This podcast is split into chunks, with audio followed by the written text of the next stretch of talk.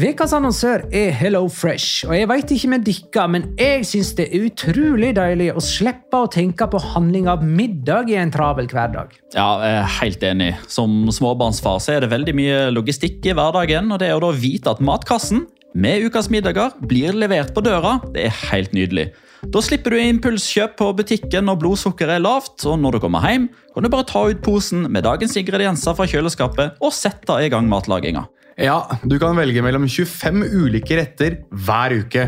Og de har faktisk en egen kategori som heter Raskt og enkelt, med masse enkle og gode oppskrifter. Veldig greit å ikke måtte ty til takeaway hver gang det er hektisk på jobb. Jeg gleder meg spesielt til sterk chilikylling i min neste kasse. Jeg blir sulten bare av å tenke på det. Ja, Det er ikke feil med bacon og cheeseburger heller, da. Og det som også er bra, er at matkassen koster det samme hver uke, som gjør det enklere å holde matbudsjettet. Ja, og så blir det ikke matsvinn heller, fordi du får akkurat det du trenger til hver eneste rett. Hello Fresh kan absolutt anbefales, og bruker du koden vår, LIGALOCA, kan du få opptil 1779 kroner i rabatt på de fem første matkastene hvis du ikke har prøvd Hello Fresh tidligere. Du kan også prøve koden hvis du har avslutta abonnementet ditt for tolv måneder siden eller mer. Gå inn på hellofresh.no og bruk koden LIGALOCA. Bon appétit! Hallo? Jeg kommer fra Oslo politikammer. Ine Jansen er purk. Er du purk? The motherfucking bitch. Alt jeg vil, er å finne ut hva som skjedde med mannen min. Jon Carew. Er jeg sikta for noe? Iben Akeli. Det er du. Ole So, Lars Berrum og Big Daddy Karsten. Hvem sin side er du på, egentlig? Anette Hoff, Tone Danielsen, Kommer du fra Afrika? Jørnis Josef, Nesten. Kløfta. Trond Espen Seim. Det er synd å si det, men det var feil mann som døde. Purk.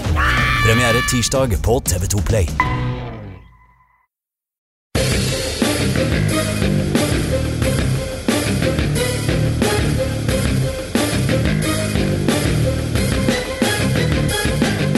Har du sett?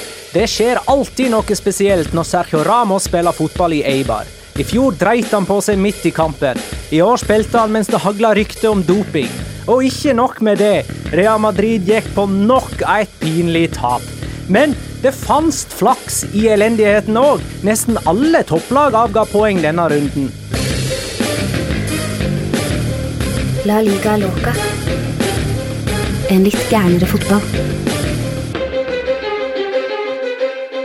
Ja, ja, ja, ja. Dette er La Liga Loca episode 53 av det ordinære slaget med Jonas Giæver. Hei. What do, what do? Og Petter Wæland. Hei. Hei. Og Magna Kvalvik. Hei. Endra du, på rekkefølgen der? Tok meg litt på Nei da, jeg, jeg har eh, variert litt på rekkefølgen, faktisk. Ja, ok. Har du et spesielt plagg på deg i dag? Nei, ikke noe mer enn uh, jeg er en som bruker Black Friday-tilbudene som er ute og går. Nei, har du Ja, den har kjøpt på Black Friday. Det er jo en eh, svart uh, for anledningen også. Svart eh, Yes. Air Jordan-hettegenser.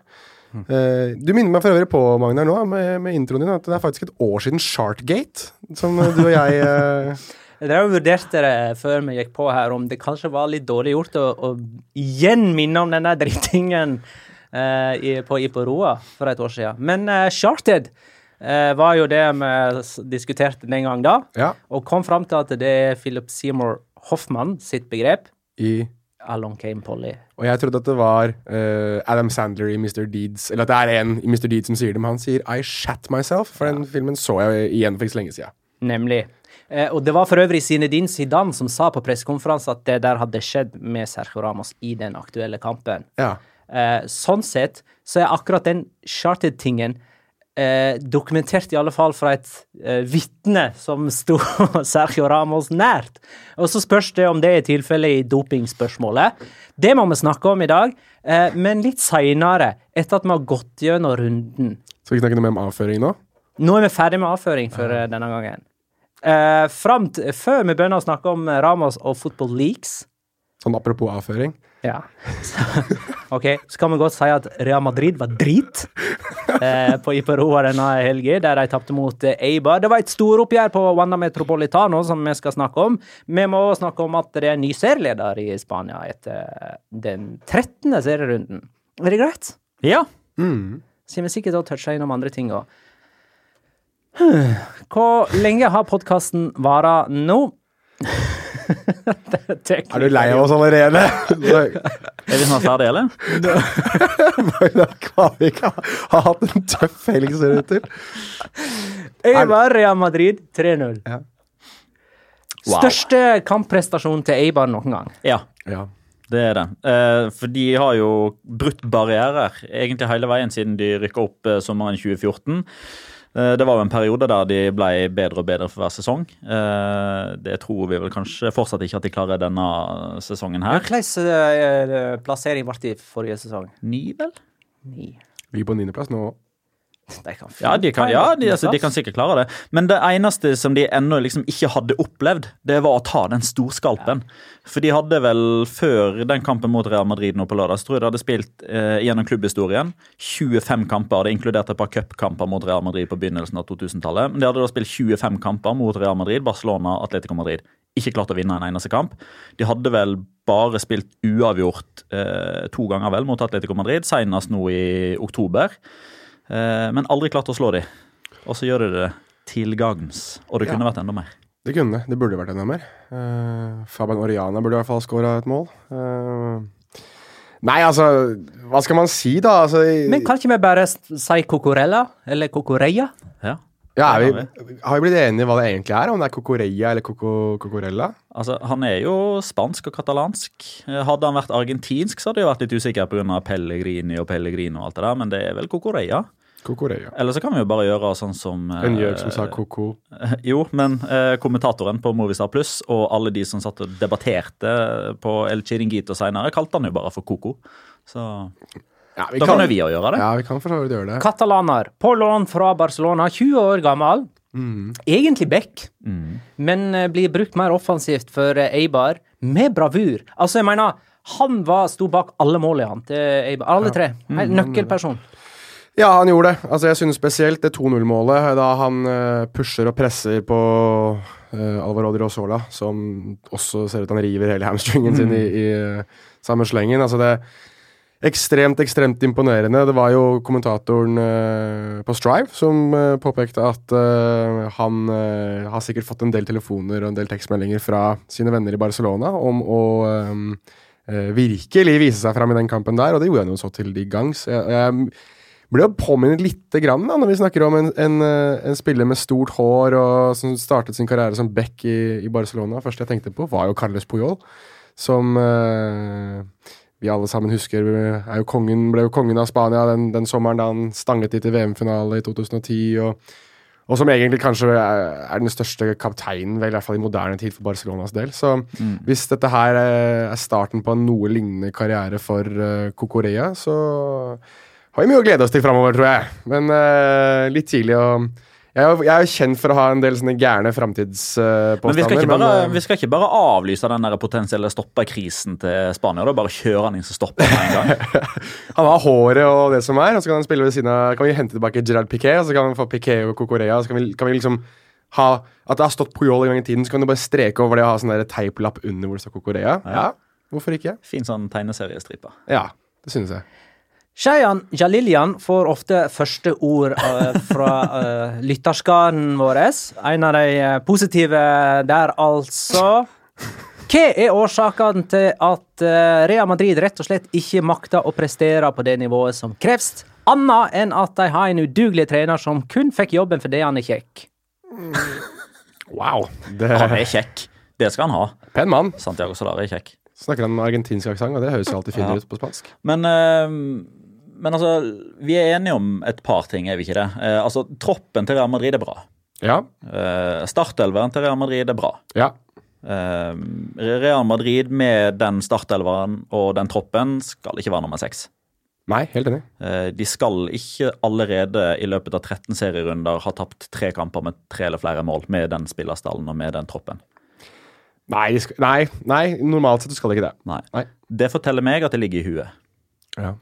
Eh, og gjentatte ganger når jeg satt og så på Eibar mot Real Madrid, så slår det meg at hver gang de mister ballen, eh, eller hver gang de ikke får til noe, eh, hver gang noe er i ferd med å gå skeis, så inntar de sånn kroppsholdningsmessig, og antageligvis òg da mentalt, fordi det er jo samspill mellom kropp og hjerne, en sånn Ikke se på meg, jeg har ikke gjort noe galt.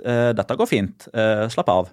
Ansvarsfraskrivelse. Ja, ansvars... Jo, men mer enn sånn at eh, selv om Tony Cross slår en, eh, en møkkapasning, så skal han liksom se ut som at han er verdens beste fotballspiller eh, og ha en holdning som tilsier at ja, ja, men det, det kan skje. Det, det gjør ingenting. Eh, Sergio Ramos, hvis han bommer på en takling eller, eh, eller er i, i ubalanse eller ikke står riktig plassert, eller noe sånt, så er det liksom opp med den høyre armen, og så løper han tilbake igjen, og så bryster han seg litt over håret, og så er, fortsetter kampen. Gareth Bale, når han mister ballen, så det sånn, ja, ser han ut som at han ikke bryr seg, og så blir det et nytt angrep. Det er ingen som trykker på den forbanna panikknappen. De bryr seg ikke. Jeg, jeg er ikke uenig med deg, men det er et lite paradoks der. For den som faktisk gjorde det, det var Ceballos da han mista ballen utafor Eibar sin 16-meter. Stormsprang tilbake for å demme opp for den kontringen som kom. Og prøvde å klarere på egen strek rett i eskalante og i mål. Ja, det er sant. Men, men hva Jo, men eh, Så når de først legger ned den innsatsen etter å ha mista ballen, så går det skeis likevel. Ja, det er sant. Eh, og det, det har du helt rett i. Eh, men i forlengelsen av det jeg sa altså Bale, rutinert, har vært der lenge, vunnet alt som er. Cross, vært der lenge, vunnet alt som, eh, som er, erfaren. Sergio Damas, erfaren, har vært med lenge, har vunnet alt som er. Ceballos, han er ung. Eh, han har vunnet Champions League et par ganger nå, og, eh, og selvfølgelig har stor framtid foran seg, men han er fortsatt sulten. Så han er en av de som bryr seg. Uh, det er er en av de som bryr seg. At han mister ballen fordi Cocorella setter henne høyt press, det er sånn som kan skje hele tida. Han skader seg i forsøket på å rette opp igjen i feilen. Der hadde Marcelo liksom bare hoppa og spretta tjo og hei og kanskje henta en ball som hadde gått ut av banen. og, og litt sånn. Uh, og, for, og, og, Da går vi tilbake til hva er problemet. Altså Hvis det er mentalt, da må du ha en trener som klarer å trykke på de riktige knappene. Benitez klarte det ikke, Zidane klarte det, Loppetege klarte det ikke. Solari klarte det eh, i en liten periode. og Nå skal ikke jeg si at pga. at de taper 3-0, så er han ikke lenger i stand til å trykke på det. Men det er litt alarmerende, syns jeg, at når det går utelukkende på det mentale For hvis du da kommer inn i den blindgata som Real Madrid nå har kommet inn i, så burde de ha kommet seg ut av den for lenge siden. Mm. Men nå har de kommet inn i en sånn type blindgate som de ikke klarer å komme seg ut ifra. Og det minner meg litt om den situasjonen som Manchester United kom inn i post Sir Alex Ferguson. Ja Fordi Sir Alex Ferguson klarte å trykke på de riktige knappene. David Moyes overtok en spillerstall som veldig mange tenkte var nødvendigvis ikke like god som resultatene tilsa. Men Sir Alex Ferguson klarte å trykke på de riktige knappene. Det gjorde ikke David Moyes. Og se hvor Manchester United er nå. De sliter med etterdønningene av det fortsatt. Så du sammenligner litt grann, uh, Real Madrid etter Zidane med, med, United etter Ferguson? Litt. Ja, ok. Se hvor du skal fram til der, eller hva du, hva du legger i det. Men kan det Altså selvfølgelig, vi, vi, må se dette her over et tidsperspektiv her nå. da. Vi må, vi må se et par kamper til og forhåpentligvis få et litt mer konklusivt svar etter noen kamper. Men kan det være så enkelt at de, de var en veldig god steam, en veldig god periode inn, og så kommer landslagspausen, og så er det tilbake igjen til, til at de, de, forsvant den rytmen de hadde, der de så ut som de var litt på gangen. Ikke sånn at det var kjempemye bedre, men de marginene som kom, og de enkeltprestasjonene som vi så noen ganger fra Real Madrid, de forsvinner litt med at de mister den rytmen som de hadde før landslagspausen. Har du lyst til å høre statistikken etter landslags, landslagsveke for oh, Real Madrid? Er ikke den helt jævlig? Uavgjort mot Atletic, tap mot Levante, tap ja. mot Eibar.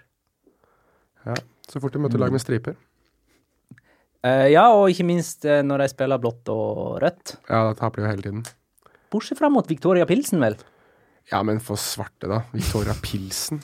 jo, men Eibar, eh, Levante, CSKA, Moskva. Uh, også Barcelona, da, som liksom bare sånn i forbifarten. Mm. Uh, Se. Sondre Hovden Vågen skriver mot Eibar klarte ikke Benzema å skape rom i det hele tatt. Det er lett å se hvor viktig den jobben er når han en sjelden gang ikke får det til. Eh, bidrag i debatten om det å skape rom eh, der fra Sondre. Fortsatt så Jeg veit ikke om Benzema skapte eller ikke skapte rom i denne kampen. Jeg, jeg klarer ikke å se sånt, jeg, da. Han skapte i hvert fall ikke mål. Det gjorde ikke han. Han hadde en sjanse. Som ble klarert på streiken. Uh, og så er det en som kaller seg Madrid. Han har et eh, helt kvitt, eh, en helt hvit avatar òg. På, på, Twitter. Så hele Madrid spør oss om noe her nå? At Tobias Bird 14. Har Bale egentlig vært skikkelig god for Real Madrid de to-tre siste årene, utenom noen få enkeltkamper? Er det på grunn av tidligere pris, altså det man kjøpte han for, og navn at han får spille og ikke er, eventuelt ikke er blitt eh, erstatta? Kan jeg få følge opp først det med AS, som på kommentatorplass har listet opp noen punkt som uh, sier hvorfor det går gale for Real Madrid i denne kampen. Det ene punktet er at uh, Bale uh, har ikke gjort seg fortjent til den startplassen han har. Og han hadde jo en spektakulær skåring i Champions League-finalen, da han brassa inn et Ja da, ja da. Og sa vel etterpå at det som var viktig for han og nødvendig for han, var å spille fast. Veka inn og veka ut. Og nå gjør han jo det. Leverer han da deretter? Nei, Jeg jeg, jeg, jeg- syns jo ikke det. Det var en på, en på Twitter uh, som, som skrev at uh, Gareth Bale skal være heldig hvis han i hele tatt får et eneste øye på terningen. Og den personen var vel Petter Wæland på andre siden av bordet her, som Ja. uh, påpekte det. Og, og ehm, jeg skal være såpass ærlig å si at jeg glemte at Gareth Bale var utpå der en periode. Altså, jeg, altså det var Da han først kom for å, for å ta et frispark eller Ja. et eller annet sånt, Nemlig. Så- Samme erfaring her. ja, så han er faktisk på ba... Altså, sånn oppriktig talt, ikke sånn, sånn tullete som jeg gjerne er, men jeg var oppriktig talt litt overrasket over at han fortsatt var ute på banen. For jeg trodde at enten han bytta ut, eller så et, Altså, jeg skjønte ikke hvor han kom fra. Uh, men jeg tror nok det er et poeng, det at eh, Altså, som vi snakket om veldig mye, da, vi, vi repeterer det her ganske mye, men det er litt viktig å få fram òg, at eh, Gareth Bale tror jeg ble hentet litt som en form for susseksjonsplan når Cristiano Ronaldo eventuelt, eller til, til slutt skulle dra, eller, eller begynte å bli dårlig. Eh, problemet var at det, Cristiano Ronaldo hadde en mye lengre storhetstid enn det jeg tror veldig mange så for seg i Real Madrid. Jeg tror at man tenkte at når Ronaldo begynte å nærme seg 8, 29, 30, så skulle Ronaldo på vei ned, hvilket er vanlig for fotballspillere. Men eh, kall det i hermetegn problemet til Cristiano Ronaldo og til Real Madrid deretter var det at Ronaldo har egentlig ikke hatt noen sånn ordentlig skikkelig nedgangsperiode. og Hvis han har hatt det, så har han endret posisjonen sin og funnet seg selv helt på ny. For Gareth Bale har det betydd at han hele tiden må flytte seg og basere seg etter hvordan Cristiano Ronaldo eh, har framtrådt i Real Madrid. Nå har han fått en rolle som, eh, som arvtaker, og jeg tror det som er litt rart og litt sånn eh, skal jeg ikke si for noe? Litt sånn bisart, er det at eh, Cristiano Ronaldo har aldri hatt, noe, har hatt en så lang opptursperiode at vi nå begynner å se Gareth Bales nedgangstid. Altså Gareth Bale har begynt å forfalle kjappere enn det Cristiano Ronaldo har. Og Det kan godt være noe med skader. Det kan godt være at uh, Gareth Bale bare ikke har levd opp til det potensialet. At han ikke har den der samme iveren og det der samme vinnerinstinktet som Cristiano Ronaldo har uh, skapt en karriere og skapt et liv ut av, og skapt kanskje den, en av de aller største fotballkarrierene noensinne eh, basert på. Men, men Gareth Bale er, er i en nedgangstid, og jeg tror ikke at vi kommer til å få se han finne seg selv på ny. Ikke Real Madrid, i hvert fall. Han har jo egentlig den samme rollen nå. Han er jo fortsatt ute på kanten. Han, er, han har den samme rollen i, i laget som mm. da Cristiano Ronaldo var der. Eh, det er bare det at eh, han har fått større ansvar, altså Ja, ja, ja. mer press. Ja. Ja, og det ansvaret tar han jo ikke. Nei. Han jo, altså det, det så jo lovende ut i starten. Altså Han skåra i fire av de første seks kampene denne sesongen. og Da begynte man liksom å ta litt sånn tore for at ja, se her, så fort Cristiano Ronaldo er borte, så, så leverer Gareth Bale sånn som, han, eh, sånn som han forventer. Men så kom jo den kollektive nedturen, og den kollektive nedturen er åpenbart og Gareth Bale ikke i stand til å dra laget ut av på samme måte som Cristiano Ronaldo gjorde det. For de hadde jo nedgangsperioder eh, i løpet av de ni årene Cristiano Ronaldo var der òg, men veien ut av uføret da var gjerne en Cristiano Ronaldo-skåring eller fire. Uh, og en annen ting som, som jeg legger merke til uh, altså Gareth Bale er en spiller som generelt pådrar seg veldig lite kort. Det er av to årsaker. Én, han går ikke i dueller. Og to, han snakker ikke spansk. Så i utgangspunktet da, så skal det veldig mye til for at han skal liksom protestere på seg gult kort. Men det har han gjort tre ganger denne sesongen. Fellesnevneren det er de tre tremålstapene eller mer. Borte mot Sevilla, gul for protester. Borte mot Barcelona, gul for protester. Eibar borte, gul for protester. Han er ikke akkurat den som bidrar til å liksom få, få gjengen opp igjen, da. Verken mentalt eller, eller på banen. Han blir eh, 30 til sommeren, han. Og jeg har ikke lyst til å høre et par av de andre punktene som ble nevnt i AS. For Ja. hva som går galt med Real Madrid. Ceballos er ikke en Casemiro-erstatter, Ja. hevder AS. Ja. Ja. Og Solari klarer ikke å rette på ting i pausen. Han har ikke god nok innflytelse i pausen. Kampbildet er det samme i første som i andre omgang. Det er helt riktig. Det, og det Altså Det tok vel bare Jeg tror det tok 45 sekunder eller noe sånt. I andre omgang, før Eibar igjen lyktes med det høye presset. Mm. Og Og da det var var liksom sånn, 3-0 da det første taktiske byttet kom. ja, ja, ikke sant? Og, og da tenker jeg litt sånn Altså, Én ting er jo at eh, altså det er jo eh, ikke bra hvis en trener liksom ikke klarer å identifisere det, eller klarer å komme gjennom med budskapet sitt i løpet av pausen. Det er jo, det er jo ille nok, fordi det er hans jobb.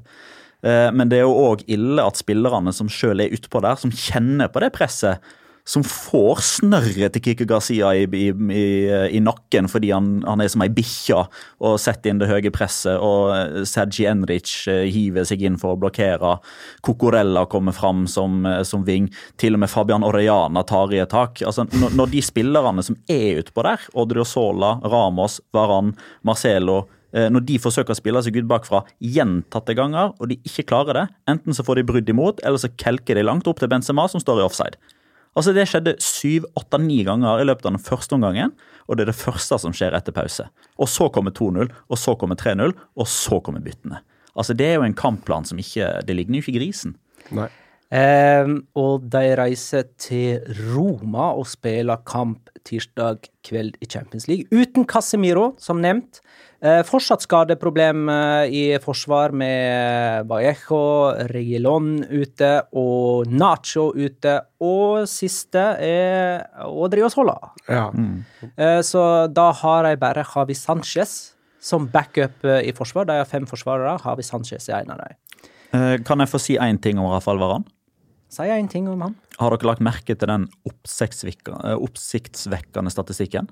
Nei. Med og uten Rafael Varan for Real Madrid? Hvis ikke så kan Det jeg ta der er den nå. ikke lov å ja. Nei, jeg jeg, jeg jeg, Sorry, jeg måtte bare tenke. Nei, jeg kom ikke på det. Eh, altså, altså Fra og med 26. september så har Real Madrid tapt 3-0 mot Sevilla med Varan. Spilt 0-0 mot Atletico Madrid med Varan. Tapt 1-0 mot CSKA med Varan.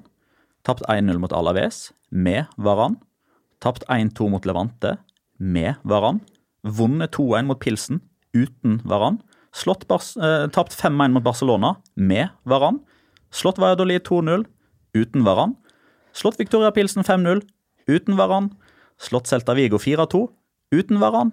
Tapt 3-0 mot Eibar med Varan.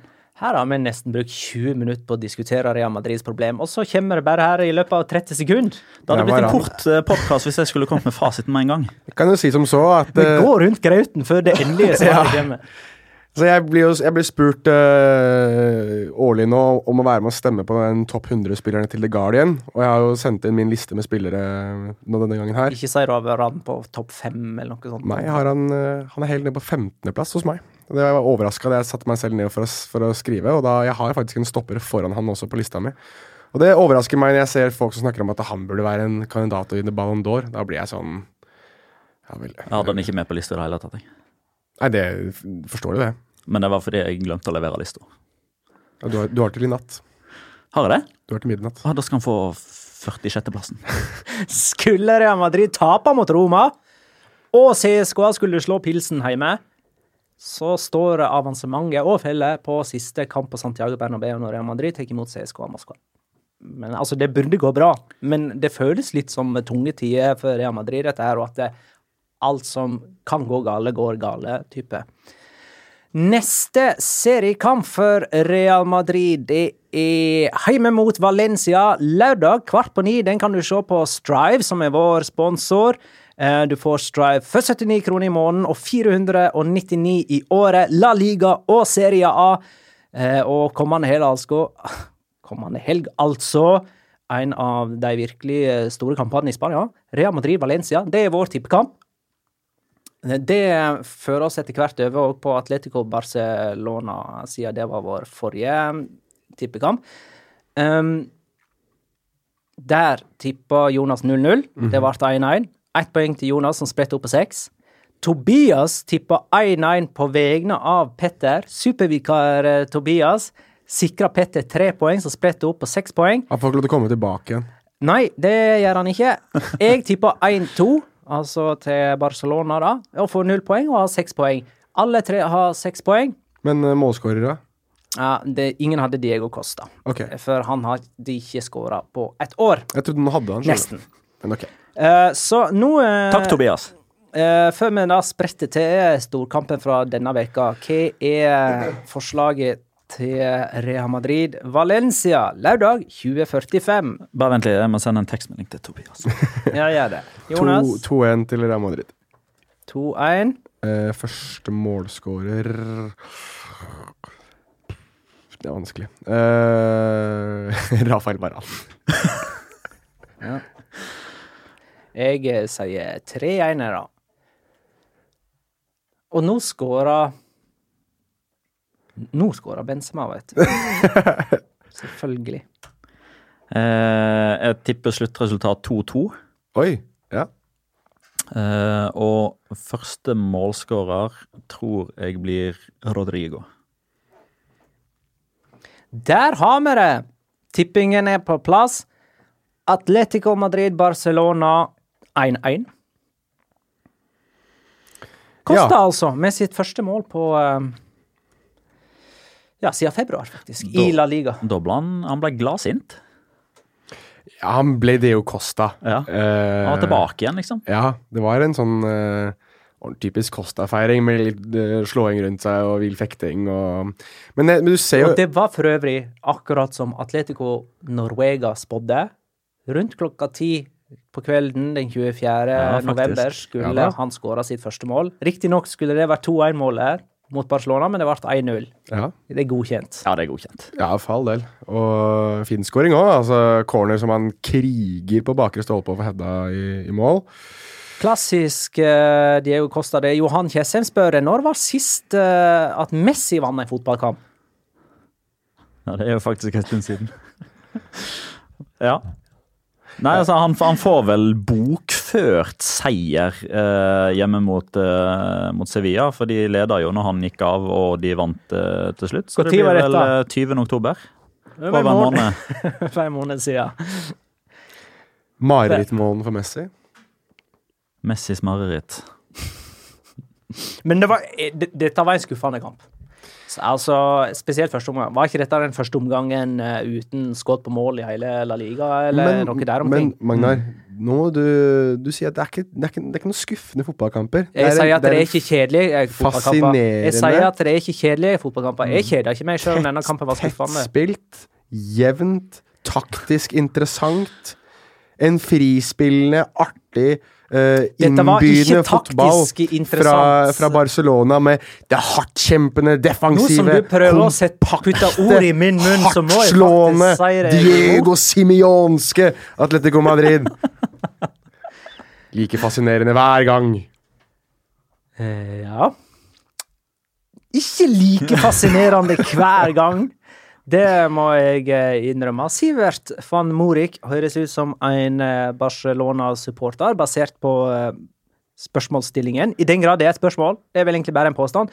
Tror ikke det er spesielt moro å være Atletico-supporter når laget spiller på å ødelegge for motstanderen og satser på å utnytte feil, framfor å gi et lite forsøk på fin angrepsfotball. Damian Suárez hadde nok passa veldig godt inn i Simiones armé.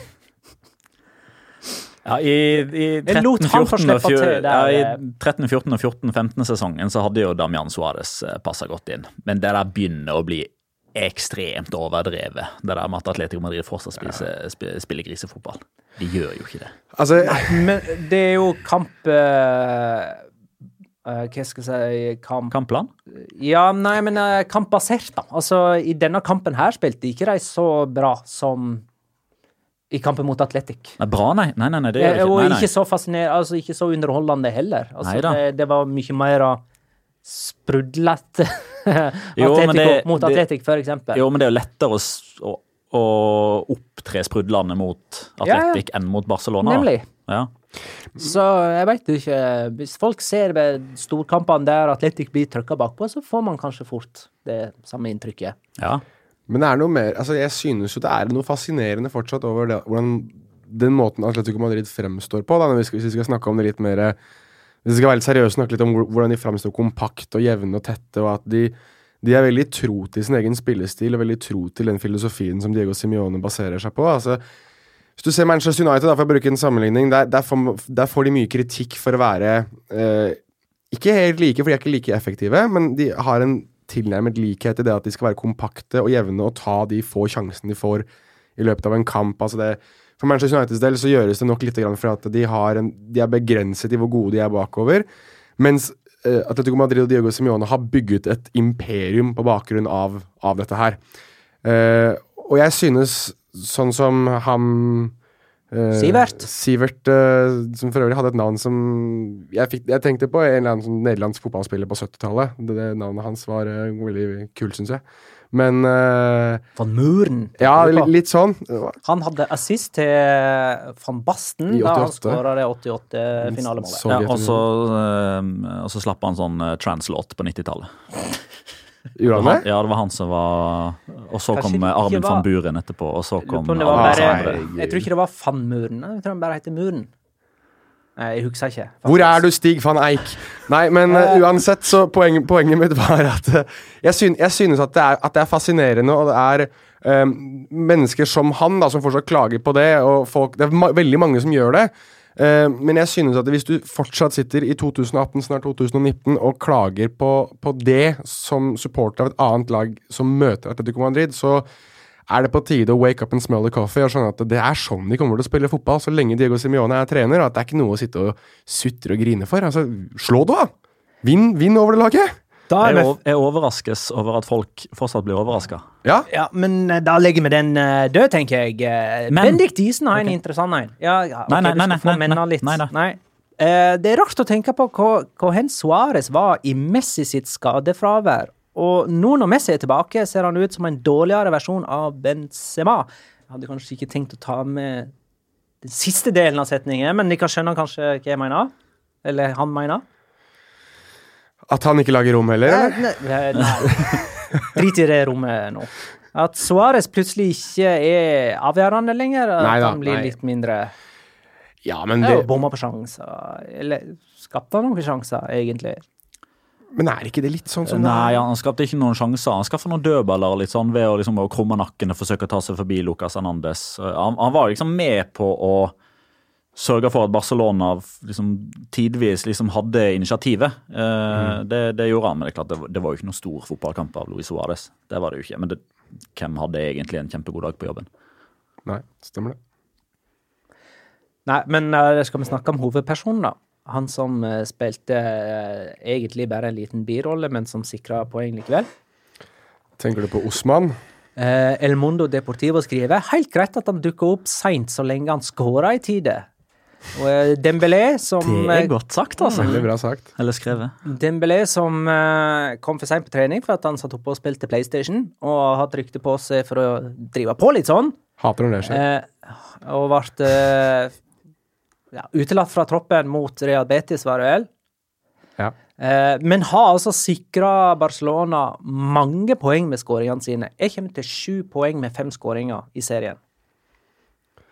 Ja, nei, altså, det, det, er ikke Nå repeterer jeg meg selv fra sist uke, vel, men uh, det er, det, altså, Osman Dembele har et potensial som er skyhøyt, og som kanskje er det høyeste av alle Uten å bli litt helt historieløs her nå, men skye, det, mest, det, høyeste potensialet av de nåværende unge spillerne i, i La Liga så, altså Han og kanskje et par andre, men, men, han er helt på toppen der. Men det er innstillingen hans. Så det er det at han Jeg tror ikke han har den derre Akkurat nå, den derre hungeren, den derre iveren etter å bli verdens beste fotballspiller, slik som da Kylen Mbappé har, for eksempel, i PSG. Det er forskjell på de to i det at Mbappé ser ut som han vil det mer. Og Dembélé, men jeg tror Dembélé egentlig har et høyere potensial enn det han har også. Um, så spørs det om han klarer å vente på det litt i løpet av sesongen. Hvis ikke han gjør det, hvis han fortsetter med det her og ikke viser seg selv som en spiller som uh, har det, det der DNA-et som Barcelona ser etter, og som har den uh, iveren etter å bli bedre, så tror jeg ikke han spiller neste sesong. Så enkelt er det. Og da kan han dukke opp seint så mange ganger han bare vil. Jeg tror, jeg tror det her er en, eh, en sånn situasjon som er veldig vanskelig å håndtere for de som skal ta beslutninger. For du vet han er så god! Ja, det er nettopp det. Fordi Uh, altså, jeg, jeg, tror vi kan Jeg tror vel egentlig vi ganske fort nå kan skrinlegge det håpet man har på vegne av Osman Dembélé om at han skal bli A4.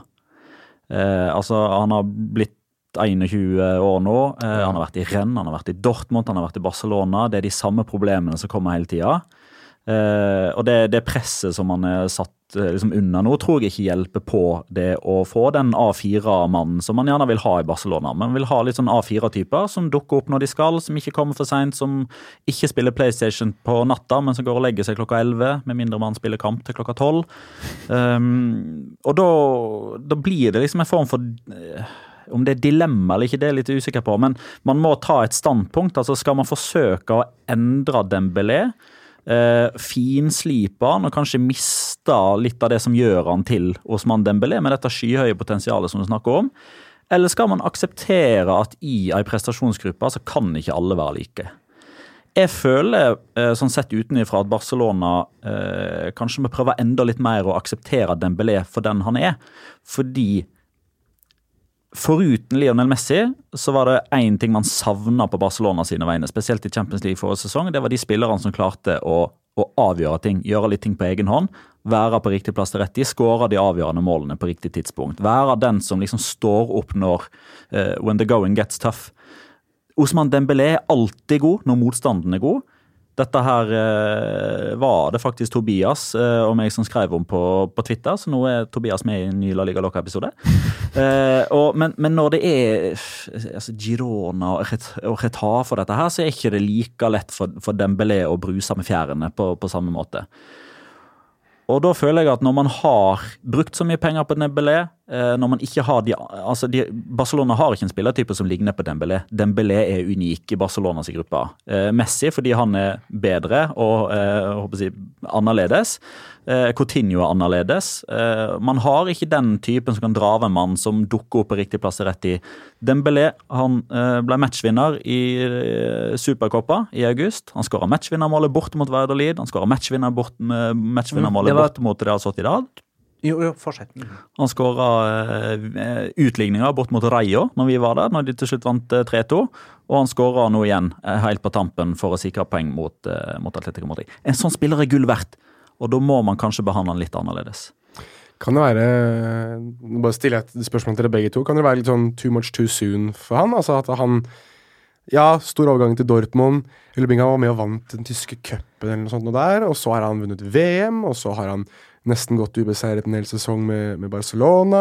så men han kom jo fullstendig overprisa den sommeren da Neymar ja. gikk til ja, ja, Paris Saint-Germain. Så ja, jeg, jeg, mener det. Too much too soon. Uh, og så har vi jo prøvd å gi han tid, uh, og nå begynner vi kanskje å bli litt utålmodige. Men nå ser vi at han skaffer poeng. Mm. begge disse lagene slipper inn overraskende mange mål, uh, i alle fall Barcelona. Eh, men Atletico òg vil hevde, og igjen så klarer ikke de å holde på ledelsen. Men uh, Stian Ruud uh, har stilt oss et spørsmål for lenge siden. Ap det der. Apropos Ruud. Uh -huh. Ruud Hesp var den forrige Barcelona-keeperen som slapp inn mål i 13 seriekamper på rad, før Ter Stegen nå. Var det ikke Ronald Truell? Det var Ruud Hesp. Han mener, Stian Ruud, at Eller spør i alle fall om det at Barcelona slipper inn flere mål nå enn tidligere, kan ha sammenheng med at de gikk fra 4-4-2 til 4-3-3. Eh, og nå gikk de, så vidt jeg kunne forstå, tilbake igjen til 4-4-2 mot uh, Atletico. 4-1-3-2, kanskje. Jeg følte, følte Busquets hang litt, sånn litt mer mellom eh, forsvar og midtbane, og så Vidal ja. Arthur og Sergio Roberto var liksom de tre foran der. Ja, ja, jeg kan godt si det som 4-4-2. Ja, ja. De hadde, ikke, de hadde ikke to kanter, iallfall. Som man nei, har under 4-3-3. Nei, ikke sant. Og mm. ikke bare én spiss, eh, sånn type. Ja. Eh, og kanskje kan det være noe vi skal rett og slett eh, holde litt øye med framover. Kanskje, for det er litt vanskelig å ta analysen mm, nå, kanskje, men én uh, ting å holde øye med. Skal vi mm, gjøre det? Det gjør vi. vi gjør det. Neste kamp eh, på eh, mitt eh, program er Boom. Sevilla Valladolid 1-0. Erik Hammersmark Her kommer det. Hei, Erik. Spør kan de kan nevne, gjerne litt høyt og gjerne flere ganger, hvem som topper tabellen. Jeg har nemlig dessverre klart å miste fjernkontrollen til tekst-TV, så jeg får ikke sjekka det sjøl. Hvem er Petter? Er det som topper? Det er Sevilla. Sa du høyt? Sevilla! Jonas? Sevilla! Sevilla! Sevilla! Sånn. Da er det nevnt. Martin Hellerud spør Hvordan anser dere mulighetene til at et annet lag enn Real Madrid, Barcelona eller Atletico skal vinne La Liga denne sesongen? Sånn som jeg leser spørsmålet mellom linjene. Kan Sevilla vinne Hæ? Alaves, da? Eller Spanjol? Ja da. Ja, nei, det er klart det er jo Sevilla som ligger best an av, av de andre. Det gjør det. Det er jo Altså, Sevilla er serieleder på bakgrunn av eh, to ting. Én, eh, de har tatt eh, nok poeng. Mest To, poeng. de andre har ikke tatt nok poeng. Eh, og det er klart, det, det hører jo selvfølgelig sammen. Men altså, etter 13 seriekamper eh, forrige sesong, vet dere hvor mange poeng Sevilla hadde da? 25? 25. Og nå er det 26. Hvor lå de da? Forrige sesong, etter eh, 13 serierunder, så var de nummer fem. De var ti poeng bak Barcelona.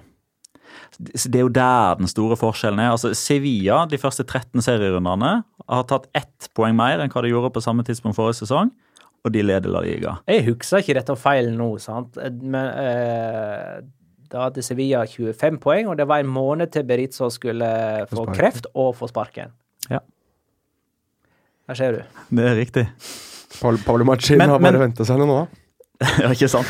Eh, Men, men det, det jeg forsøker å gjøre nå, er jo ikke ta, ta æren fra Sevilla. På, på ingen måte. Eh, For tabellen lyver aldri. Nei.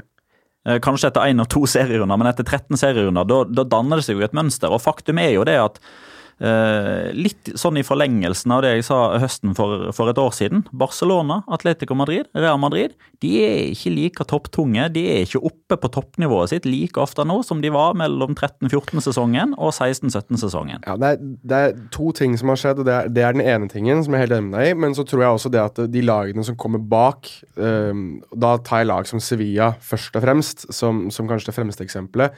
Og egentlig også Nå er det jo litt lenger ned på tabellen nå, men egentlig også Valencia. Jeg mener at de har underprestert veldig, veldig øh, grovt denne sesongen her. Men de har klart også å lukke igjen noe av det gapet mellom de tre på topp og resten under, spesielt de to lagene der.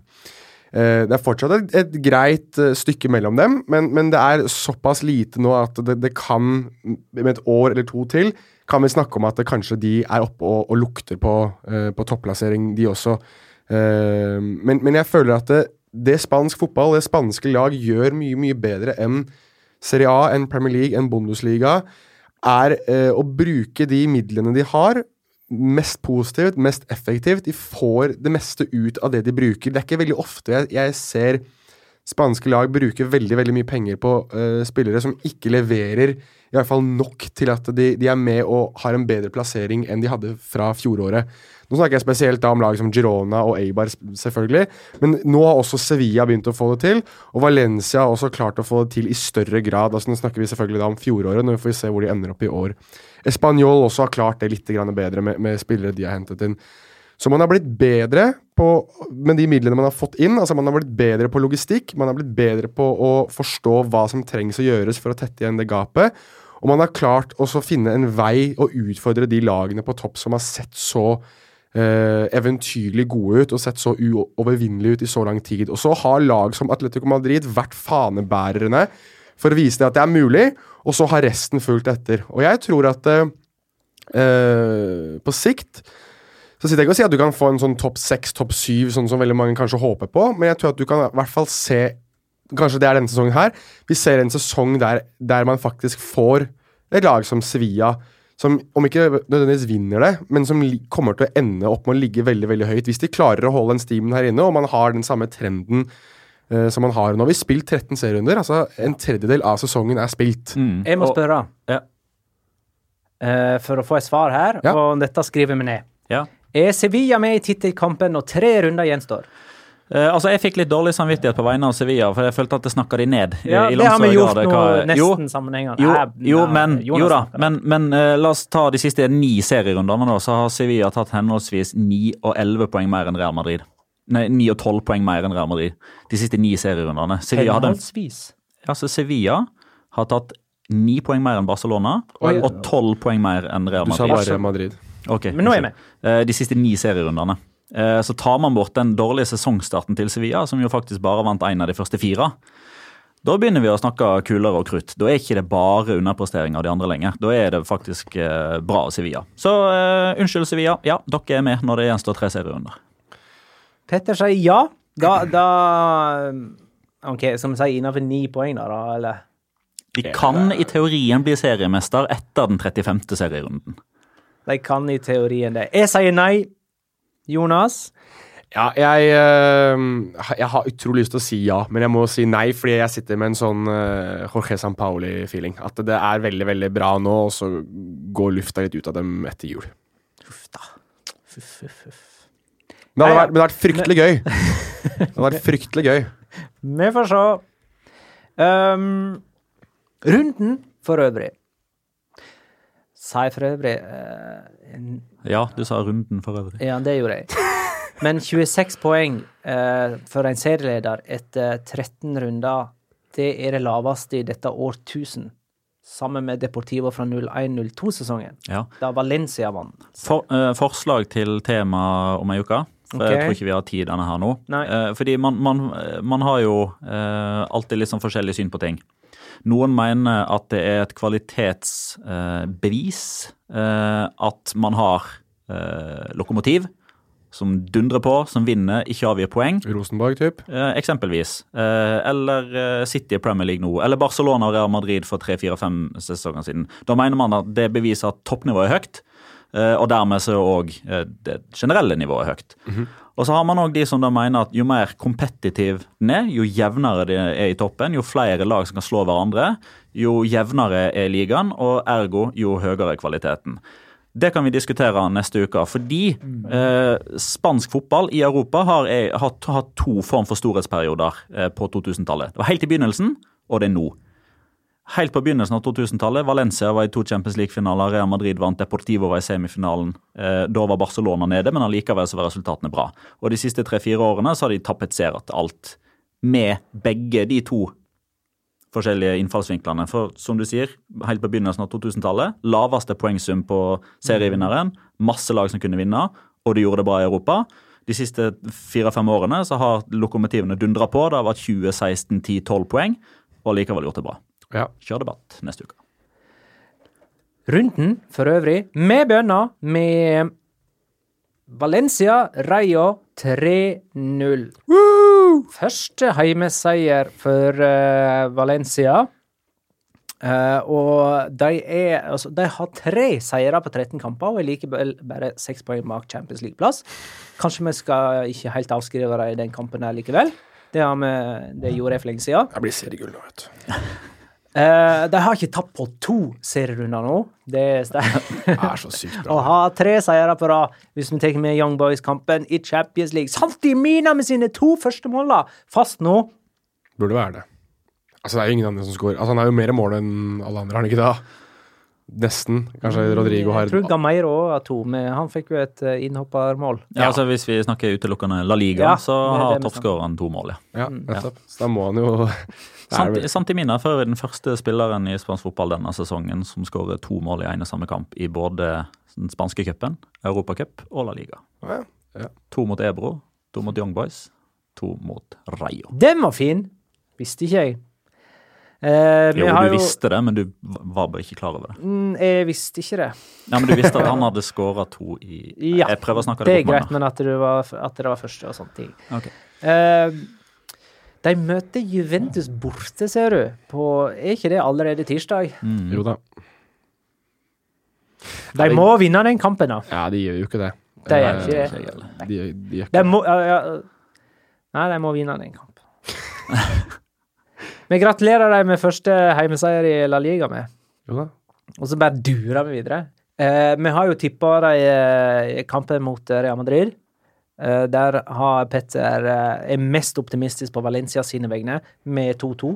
Men det er jo ulike formkurver her, da.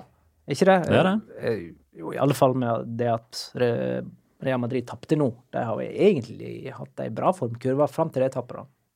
Mm. Ja. Så- Men Få se hvordan de gjør det mot Roma. da. På... Ja, det, det er sant. Mm. Men eh, ja, Rayo ligger jo fortsatt nest sist. De slipper inn mål som om at det skulle vært Paco Remes som var trener, så der er det jo eh, intet nytt. Nå er det jo tre trenere som har fått fyken nå. Vi pleier jo ofte å ta litt sånn tempen på hvem som er nærmest å få eh, støvelen i, i skinka. Eh, Celta Vigo var jo det tredje laget, Real Madrid var nummer to, Huesca var den første. Um, Rayo Vallecano hadde nok vært nummer fire om de hadde hatt en annen trener enn nettopp Mitchell. Uh, for det er litt sånn som den samme argumentasjonsrekka som Viadial tok i bruk når de ga Javier Calleja sjansen videre, med at det er liksom ja, er liksom det valget de har tatt. Han er en av sine egne stor standing osv. Uh, Mitchell har enda større standing, uh, ikke minst blant Rayo og fansen. Fordi han, han, er vel den spilleren som har flest kamper for klubben gjennom tidene. Det var han som rykka opp med de. Eh, så Det er en journalist som har mer eh, info eh, om Rayo enn alle andre. Det er Isak Foto i Cadena Copa. Han, han, sa i går at hadde det vært en hvilken som helst mm. annen trener, så hadde han vært ferdig. Fordi det er Mitchell, så får han eh, kampen mot Eibar og, og kanskje et par til òg. Via Real, Real Betis 2-1. Betis er gode mot gode lag og dårlige mot dårlige lag. Dermed ble det en dårlig Betis-kamp på La Ceramica. Det er jo ikke Håkon, feil. sp Håkon spør hvordan klarer Real Betis å slå storheter som Barca og AC Milan, for så å tape for et lag som antageligvis spiller seg unna neste sesong? Oi, oi, oi. Wow. Jeg trenger ikke, jeg trenger ikke disse via Real lenger. nå. Jeg kan bare ta sånn litt Ja, ja, det kommer. du, har, du har fått med deg en fanskare der. Du, du skal ha det. Du gjør en god jobb. Han ligger jo bare tre poeng over nedrykksplass, da. Uh, Mo MMA eller noe spør eh, deg, Petter, om du kan opplyse La Liga Loca-lytterne om introduksjonen til Samuel Chukwueze. Jeg vet ikke helt hva han mener med introduksjonen, men Samuel Chokwese er jo et, et navn. Også. Ja, jeg tipper han mener måten han har introdusert seg på. Ja. Eh, At det Sånn er en liten eh, autokorrekt. Eh, nei, altså han er jo, virker jo veldig spennende. En spiller som det har gått litt sånn altså lavmælte gjetord om. Eh, man har behandla han egentlig veldig forsiktig, fordi han, eh, han er fra Nigeria. Han har ikke vært i Spania så lenge, så det handler jo litt om ak akklimatisering og lære seg språket. Han er 19 år gammel. Han fikk landslagsdebuten for Nigeria nå Mm. mot Uganda, tror jeg det var. Eh, han har skåra mål i tre av de fire siste kampene han har spilt for A-laget. Eh, han har òg gode tall og gode prestasjoner på B-laget. Eh, det er liksom mange i Viareal-kretsen som, som ser på Samuel Chukwese som det kanskje største talentet som har vært i ungdomsavdelinga til Viareal gjennom tidene. Eh, og da, der har Santi Casola vært, blant annet.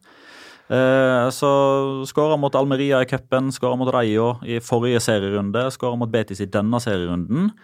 Og han har et eller annet som jeg savner. Altså, Hvis Gareth Bale hadde hatt innstillinger til Samuel Chukwese med at hver Oi. gang han får ball, så skal han rettvende seg, sette fart på, utfordre og forsøke å komme seg forbi, da hadde vi ikke snakka om Gareth Bale på den måten vi gjorde for en halvtime siden.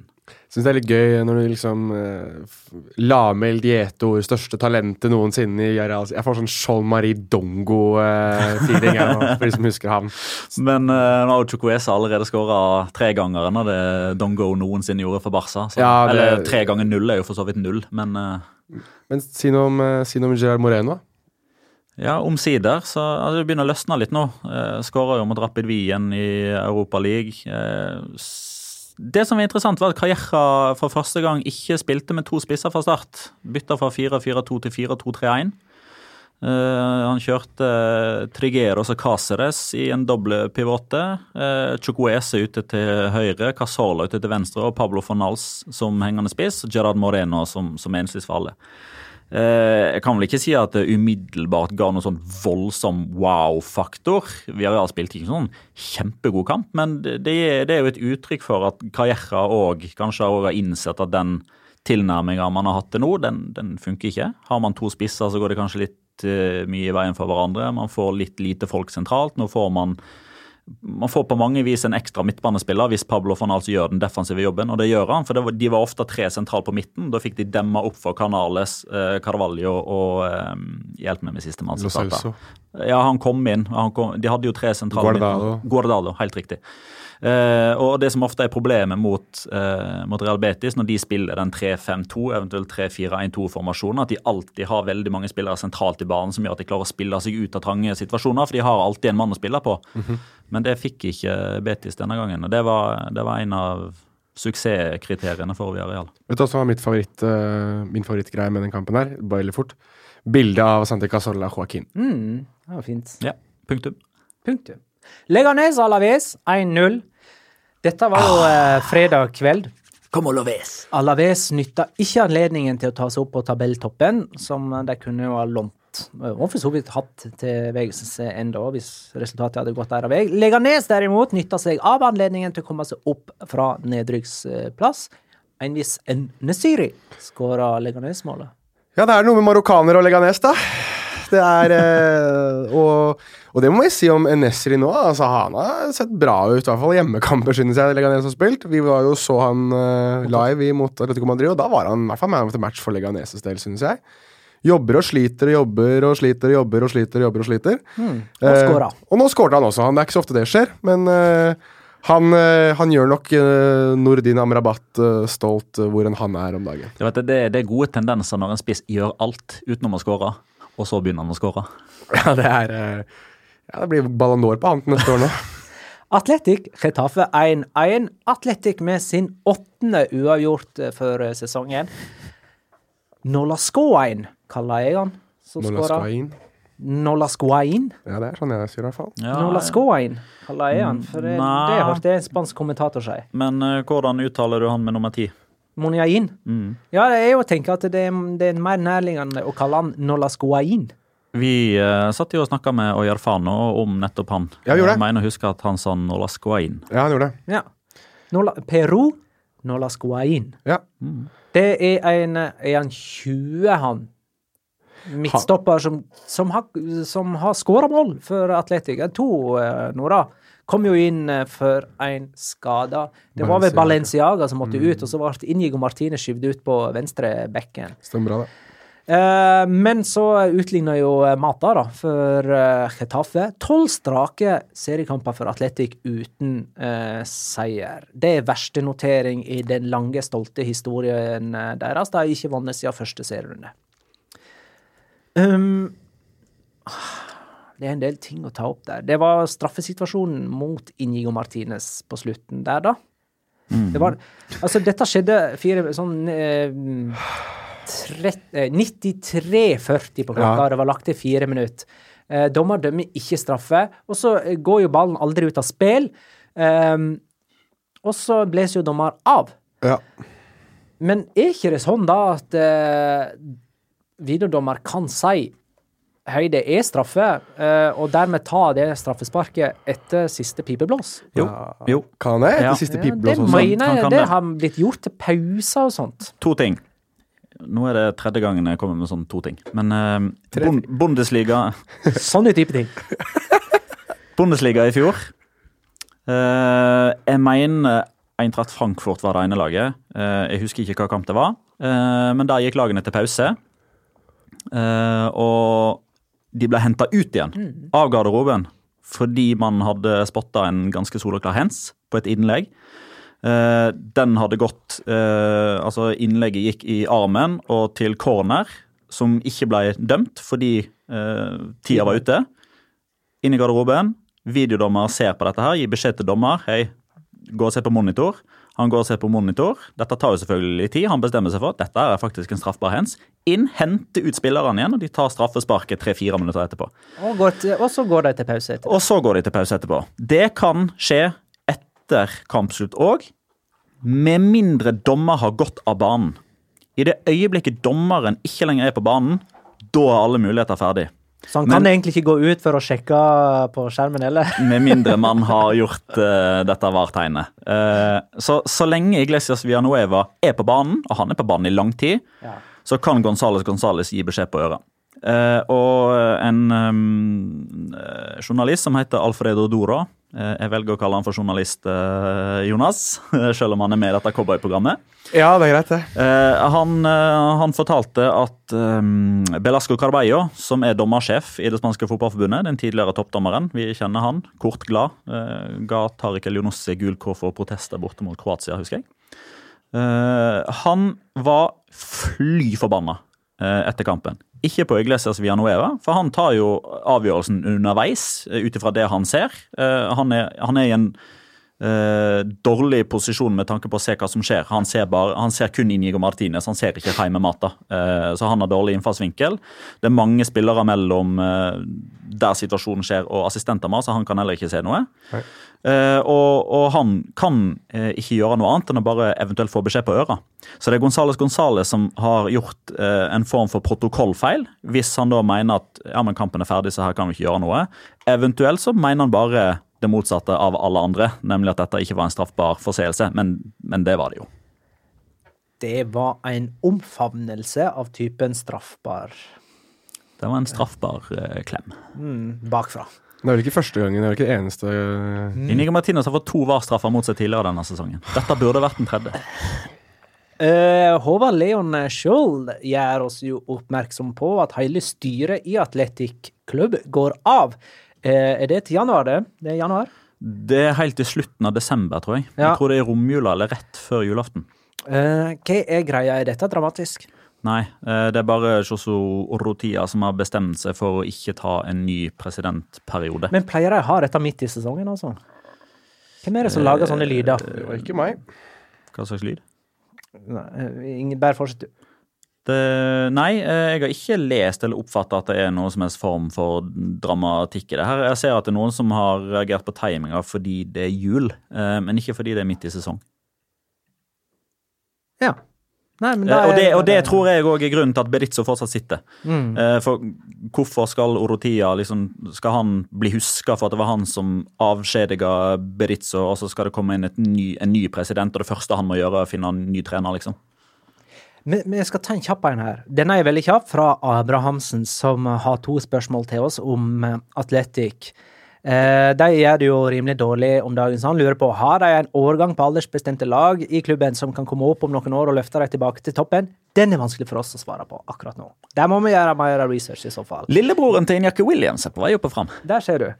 Eh, men spørsmål nummer to. Om de fortsetter å kjempe eh, om eller mot nedrykk, skråstrek rykker ned, bryter de da Cantera-policyen? Eller Basker-policyen eventuelt? Svar jeg tror ikke det, men det hadde vært interessant å se de mekanismene som hadde slått inn da. altså. Men dette har de jo vært i, denne situasjonen har de vært i før.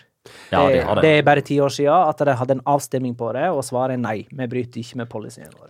Selv om vi rykker ned. Nei, jeg tror uh, den policyen der, den er så ekstremt, ekstremt, ekstremt, ekstremt uh, beskrivende og uh, viktig for deres historikk, da. At det, det ville vært um, Nei, det, det, det, slår, det, slår, helt feil å, å, begynne å gjøre det nå. Det blir litt sånn som, altså Jeg tenker, jeg sammenligner det litt med en annen klubb, og det er Chivas i, i Mexico, som har jo sånn, sånn policy på hvis ikke du er meksikaner, så kan du ikke spille for dem. Og det i det hele tatt forestille seg at de, og da også Atletic, som har en enda lengre historie enn dem igjen, skulle bryte opp i det, det er, altså det er som å banne i kirka, altså, og så pisse på kirka, og så brenne ned kirka. Altså det, det, er, det er helt utenkelig.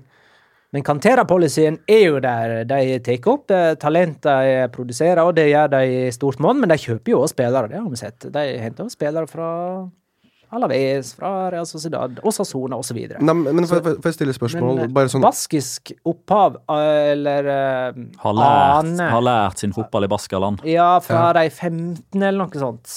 Eller 16. Men økonomimessig, hvis vi nå bare La oss nå ta vekk denne policyen. Hvor mye penger hadde egentlig Atletic hatt sånn, hvis du skal sammenligne med Barcelona, Real Madrid, sånn, de som kjøper spillere for 120 millioner euro, kunne, kan, kunne Atletic ha gjort det, f.eks.?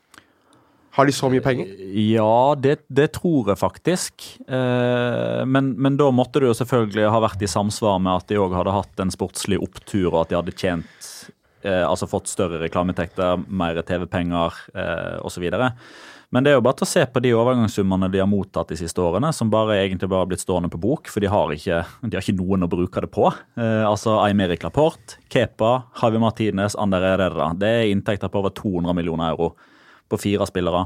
Eh, og det de pengene går til, det er jo eh, å bare å sørge for at de forutsetningene de har for å drive fram talenter, er så bra som overhodet mulig. Altså De bruker det på, på treningsanlegg, gode trenere. Og eh, de bruker det på lønn, som er en av årsakene til eh, at eh, man er såpass lojale som atletikkspillere. Eh, For de fire spillerne som er nevnt her, det er de fire. I tillegg til Fernando Jarente, som har ønska seg bort på bakgrunn av at de har større sportslige ambisjoner enn hva Atletic eh, gir de. Men det kunne veldig mange andre spillere òg ha gjort, men de har valgt å bli. eh, Delvis pga. lojalitet. Det betyr veldig mye for baskere å spille for Atletic, men det er òg fordi de får veldig mye lønn. Og det er jo fordi man har såpass mye penger på bok at ja, men om vi lønner de spillerne litt ekstra, så går vi ikke konk av den grunn. Vi går videre til Español Girona. 1-3. Españols første poengtap på heimebane. Og hvem er toppskårer i La Liga? Don't you wish your striker was Stuani? Hei! Den var fin.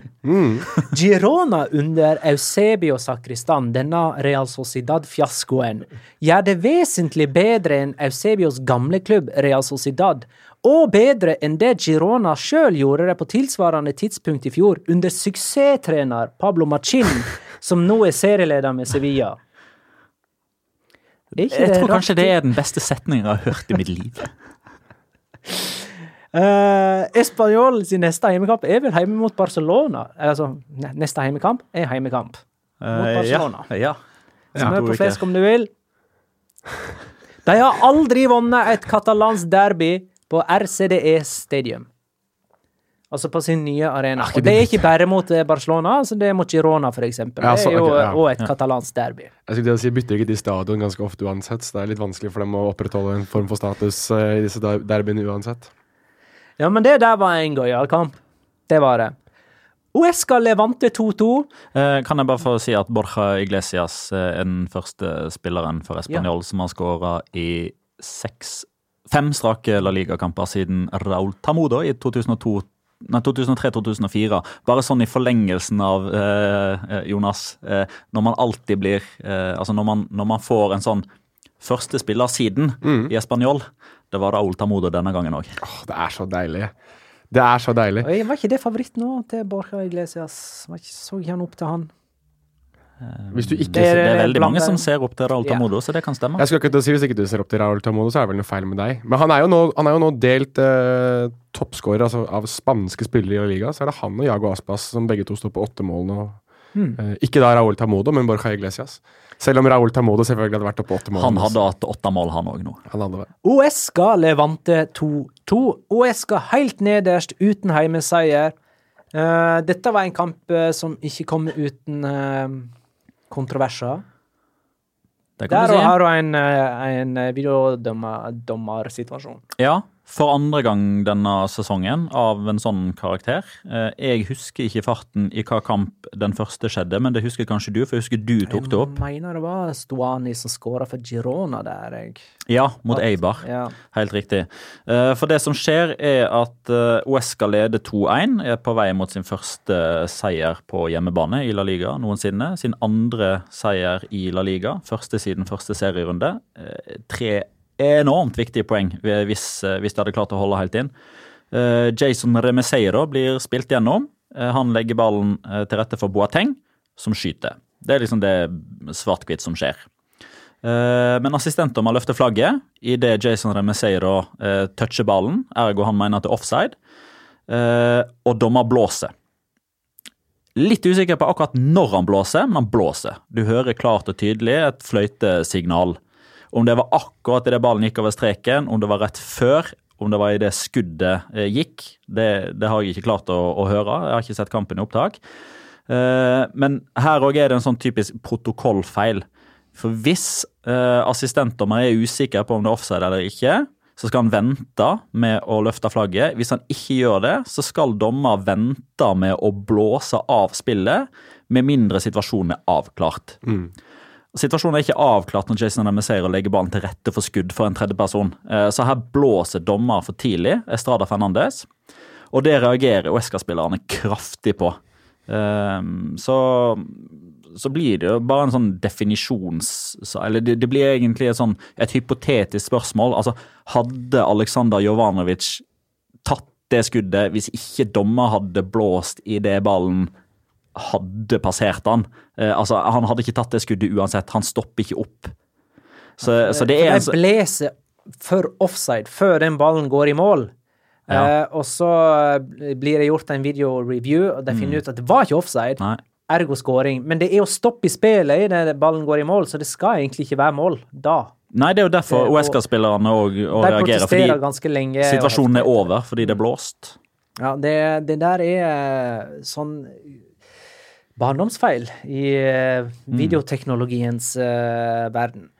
I kveld uh, Altså, vi sitter i studio mandag 26. november. Uh, klokka nærmer seg kvart over åtte. I kveld spiller Real Sociedad mot Celta Vigo. Celta Vigo med ny trener. Real Sociedad uten heimeseier. Um, nå har jo Denne runden så har jo vært eh, barrierebrudd der, da, med Villarreal og Valencia, som har tatt sine første heimeseiere. Så det er muligheter for Real Sociedad. Jossu, eh, vet du?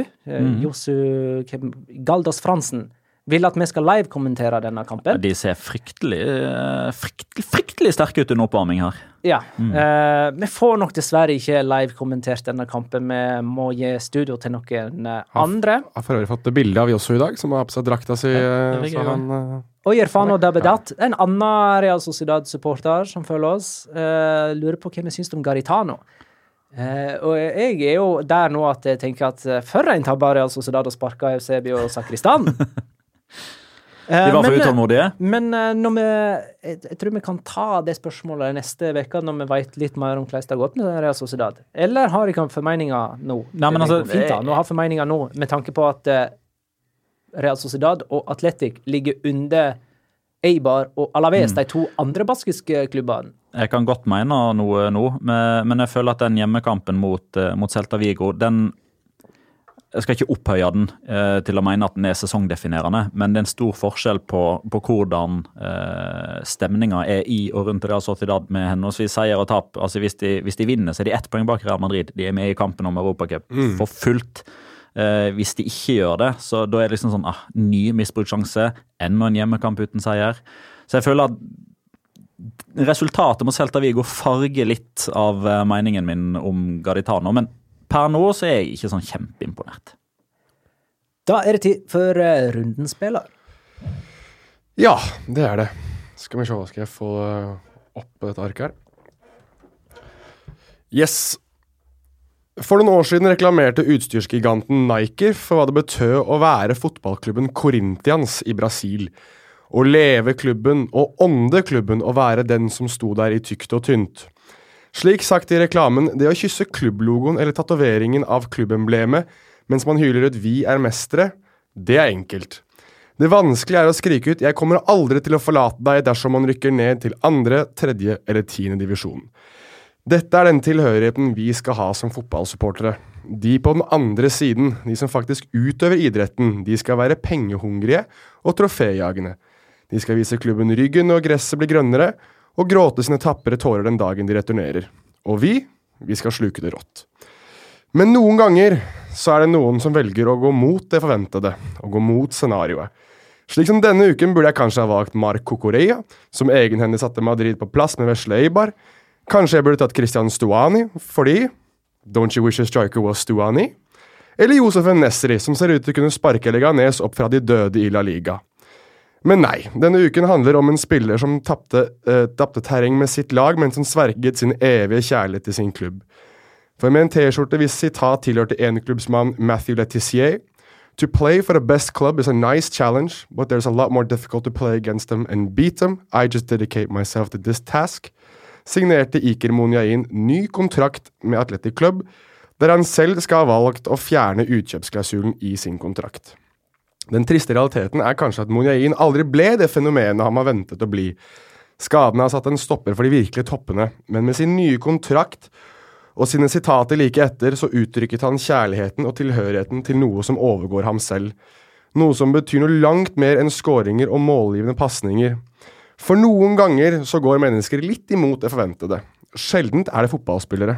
Og kanskje, bare kanskje, eksisterer det et snev av lojalitet og barnslig naivitet om at visse fotballspillere faktisk elsker den klubben de spiller for. For er det én ting vi ikke er i tvil om lenger nå, så er det at Iker Monjain elsker Atletic Club, og Atletic Club elsker Iker Monjain. Yay. Det var en som spurte Er Iker Monjain et bra kjøp for Liverpool. Ikke nå lenger, i hvert fall. Jeg sparte på det spørsmålet til ryktet om at Iker Monjain var et objekt for Liverpool. Jeg fikk litt mer av kjøtt på beina. Uh, har jeg fått mer av kjøtt på beina siden? Nei, altså Men det er jo litt viktig. Jeg kanskje burde, burde egentlig ha nevnt det i, i den her, er jo litt det at Og Petter, vi var inne på det litt i stad, at eh, Atletic Club selger jo ikke spillere. Eh, de forhandler jo ikke, enkelt og greit. Hvis en, hvis en spiller har lyst til å forlate klubben, så blir da kjøpende klubb tvunget til å betale utkjøpsklausulen. Og da Iker Moniain selv skal ha sagt at han ikke vil ha en utkjøpsklausul i sin nye kontrakt, så betyr jo det det at han basically har sagt at 'jeg har ikke lyst til å dra'. Og når du da har signert den kontrakten til 2024, som da i skrivende stund er seks år til, så Eller fem og et halvt, alt ettersom. Eh, så har du bestemt deg for at da blir du nok resten av karrieren din. Eller i hvert fall en, en god del av karrieren din i den klubben. Så det var ikke Sergio Ramos som ble eh, rundens spiller. Han er et objekt for eh, det som blir kalla football leaks. Det må vi snakke litt om nå. Vi har ikke snakka om football leaks whatsoever med, Nei, tror jeg. Tror ikke vi har nevnt det med et ord. Eh, så jeg tenker en sånn kjapp eh, greie om hva det er. Det er, en, det er et navn på en lekkasje av store mengder dokument som har med hele verdens toppfotball å gjøre. Tyske Der Spiegel har blitt overgitt eh, disse mengden med dokument. Er ikke det sånn at man kaller det 70 millioner dokument? Jo. Og har delt dokumentet videre med sine partnere i et nettverk som blir kalt European Investigative Collaboration. VG er en del av det i Norge.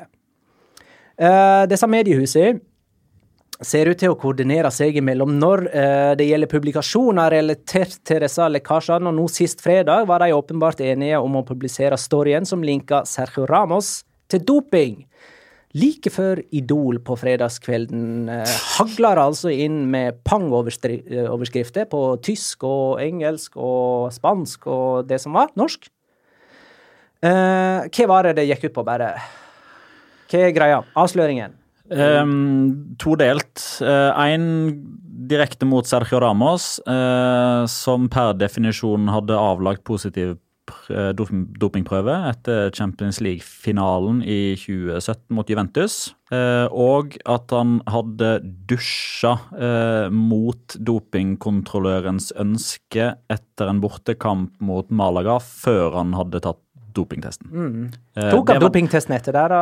Eller var det Ja. ikke? Ja, det, ja, han gjorde det. Eh, Det var den ene tingen. Den andre tingen var en episode som skjedde på treningsfeltet til Real Madrid, når dopingjegere hadde møtt opp uanmeldt, eh, og det hadde oppstått en situasjon med med, med først og fremst Cristiano Ronaldo, som var misfornøyd med at de hadde bomma på blodårene to ganger. og Det hadde blitt dårlig stemning, og legene til Real Madrid hadde visstnok liksom tatt kontroll over situasjonen og utført testene, og det skal man ikke gjøre. Men skal vi ta den første der, eh, der det er snakk om en, et positivt utslag, som jo i dopingsammenheng er et negativt utslag, hvis du forstår. Ja.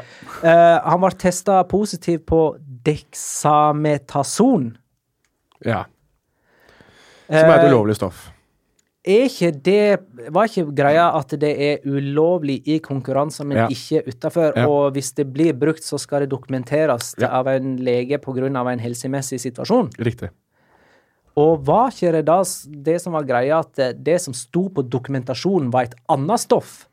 Sånn at når han da testa positivt på dexametason, så hadde ikke noen blitt opplyst om at han hadde brukte det stoffet. Og så sier da lagled Gen til Real Madrid at det var bare en feil på skjemaet. Han, han skulle egentlig skrive dexametason, men hadde skrevet et annet stoff. Ja, han, han, han hadde kryssa av uh, i et Ja. annet felt. Nemlig. Mm. I albiraken. Ja. Eh, og er det bare der det står nå? At eh, han har testa positivt på et stoff som er lov til å bruke i visse sammenhenger dersom det er sagt ifra om det og dokumentert at han trenger det? Som er, det er sånn smertestillende greie. ja, for han hadde problemer med kneet sitt og skulderen sin. Ja. Eh, og så var det bare en feil avkrysning på et skjema som gjorde at dette der ikke var informert om. Ja.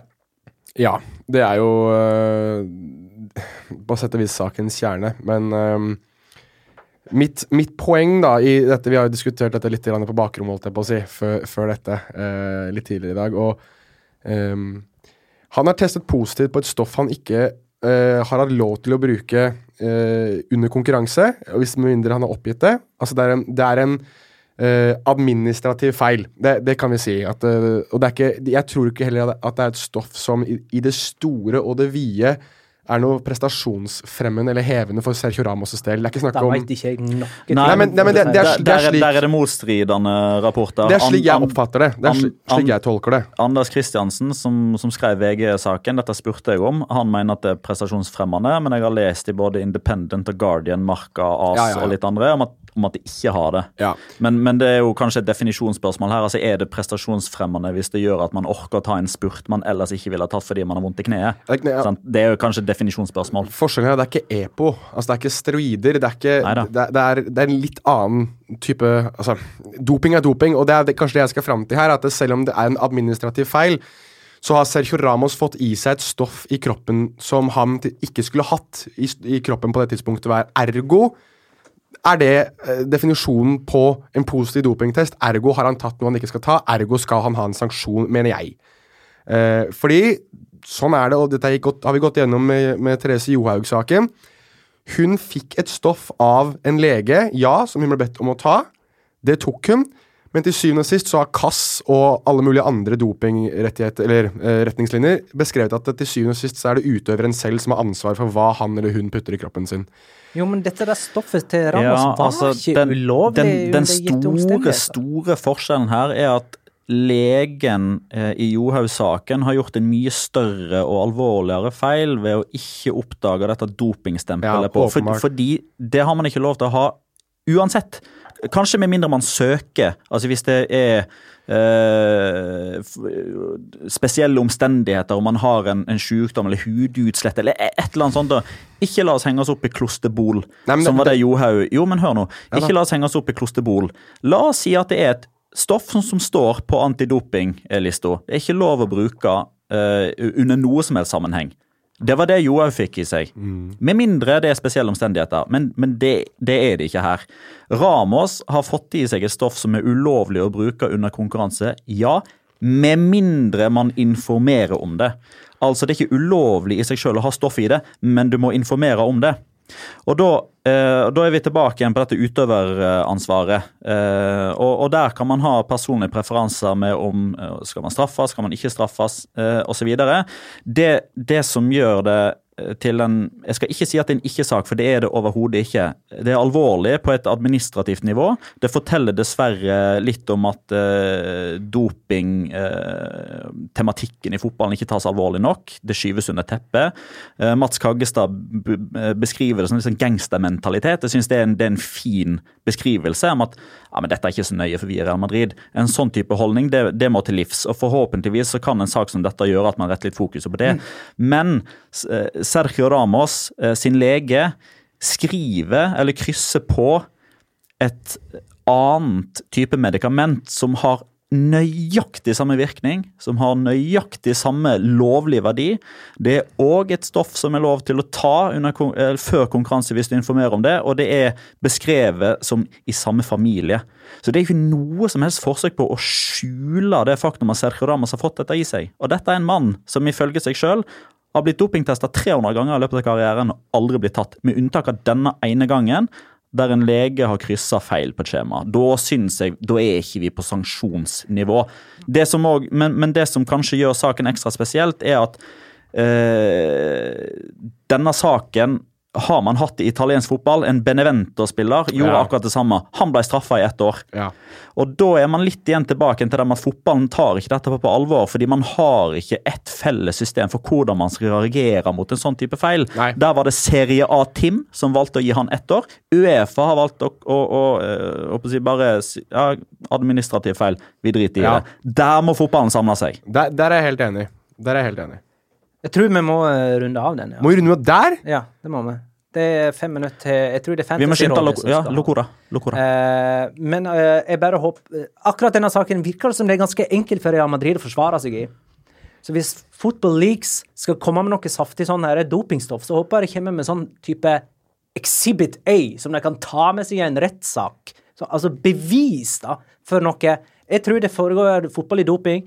Eh, vi har ikke kommet til bevisførselen. Du skal liksom ha, O- du skal ha OJ-hansken, liksom? Vi, vi er nødt til å ha eh, bevis eh, for sånne ting. Dette blir bare indisier. Blir ikke det det? Ja, nå har vi, altså, Men, her, her, er, det- her er det dokumentert. Ja, men nå tok jeg bare siste ordet. nå. Det er jo ikke en, altså, Beviset Ja, på at dette her ikke er en sak, jo at både WADA, Uefa, spansk antidoping skrinlagt saken. Dette hadde ikke vært en nyhet om det hadde kommet fram dagen etterpå, for da hadde alle tenkt sånn Å ja, ja, ja, men de kryssa feil. Ikke gjør det igjen. Men nå blir det en kjempestor sak, fordi VG og, og Der Spiegel og alle dette har sagt i tre uker nå. Det kom en kjempesak om en multiple Champions League winner i forbindelse med doping, og da blir det så blåst Jeg av. jeg skal bare skyte si- siste inn. Dette må jo ha vært den spilleren som vi uh, hørte om. Husker vi hørte at det var, at det var rykte om at det kom en, uh, en avsløring om en spiller som, som var multiple champion? Sånt, og Ja, sånt. det var det kom jeg På spansk. Ja, men det, det her, Dette her må jo være den spilleren, da. Det kommer Ja. jo ikke en til nå. Kan hende. Nei, nei. Eh, det Nei. kan godt hende. Ja, ja, det veit ikke vi. Eh, Locura! Ukens La Liga Locura. Locura. Locura. Locura. La Liga Locura. Jeg begynner, jeg. Ja, OK. Eh, La Liga har jo vært en ting eh, siden 1928. Eh, ja. Og seks ganger i historien så har dette skjedd. Nemlig at en, eh, en spiller eh, med enten fornavn eller etternavn som er et land, har skåra mål Peru. i La Liga. Luis Portugal, Miguel Ángel Portugal, Daniel Montenegro, vår gode venn Jesus Japon, som du kjenner Ja, til ja, ja, ja. fra Valladolid. Han kjenner jeg. Eh, Japan. Japon, Japan. Japon på spansk. Ja. Edvin Kongo og Peru Nolascoain. Herlig. Den er, den er veldig fin. Kan jeg ta min nå, da? Det kan du. Den, eh, det er jo faktisk noe vi ikke har nevnt, så jeg tar det. Eh, Topp åtte i La Liga før denne runden var Barcelona, Sevilla, Atletico, Alaves, Español, Real Madrid, eh, Real Valladolid og Levante. Bare ett av de lagene vant. Drittliga, altså. Det er eh, da selvfølgelig laget som topper etter runde 13, Sevilla. Vær så god, Jonas. Nei, Vi er litt i samme gate, du og jeg, da. For jeg har uh, i, uh, I det store og det hele syns jeg Altså, jeg syns ikke vi snakker nok om det, egentlig. Vi snakker faktisk mye om det, men vi må snakke mer om det. Og det er forsiden til Marka fra i dag. Den viser jeg til dere nå. Der står det 'Denne ligaen kan hvem som helst vinne'. Og det, i alle de årene jeg har sett eh, spansk fotball, og det begynner å bli noen år nå, kanskje ikke like mange som dere to travere på andre sida av bordet, men eh, altså, vi snakker, vi snakker her om, om Fra sjetteplass opp til, til førsteplass så er det seks poeng som skiller lagene. Jeg har aldri Jeg har faktisk sjuendeplass òg. Jeg har aldri opplevd en liga, i hvert fall i spansk fotball, som er så tett, så jevn, og det kan endre seg så ekstremt mye over natta. Altså Hvis, hvis Real Sociedad går opp og vinner i dag, så ligger de også da, som Petter påpekte, ett poeng eh, bak europaplasser. Det her er så spinnvilt og så unikt og så galskap at eh, bare den, den forsiden til Marka alene og den påpekelsen minner oss nok om hvorfor vi synes denne ligaen er så morsom, og hvorfor jeg er drittlei av at folk driver og sitter og mener at eh, «Det er jo bare Barcelona». Dere kan alle sammen kjøsse meg i ræva hvis dere mener det. Jeg driter i om folk blir sure. Denne ligaen her er så ekstremt gøy. Og hvis ikke du følger med, så går du glipp av noe jævlig gøy. Tusen takk for alle spørsmål, innspill og meninger, kjære lyttere. På, søn på søndag så kan tabelltoppen i La Liga skifte eier tre ganger. Hvis ikke du syns det er gøy! Tusen takk for alle spørsmål, innspill og meninger. Kjøss meg i ræva! Tusen takk for at du lytta, kjære lytter. Ha det, da.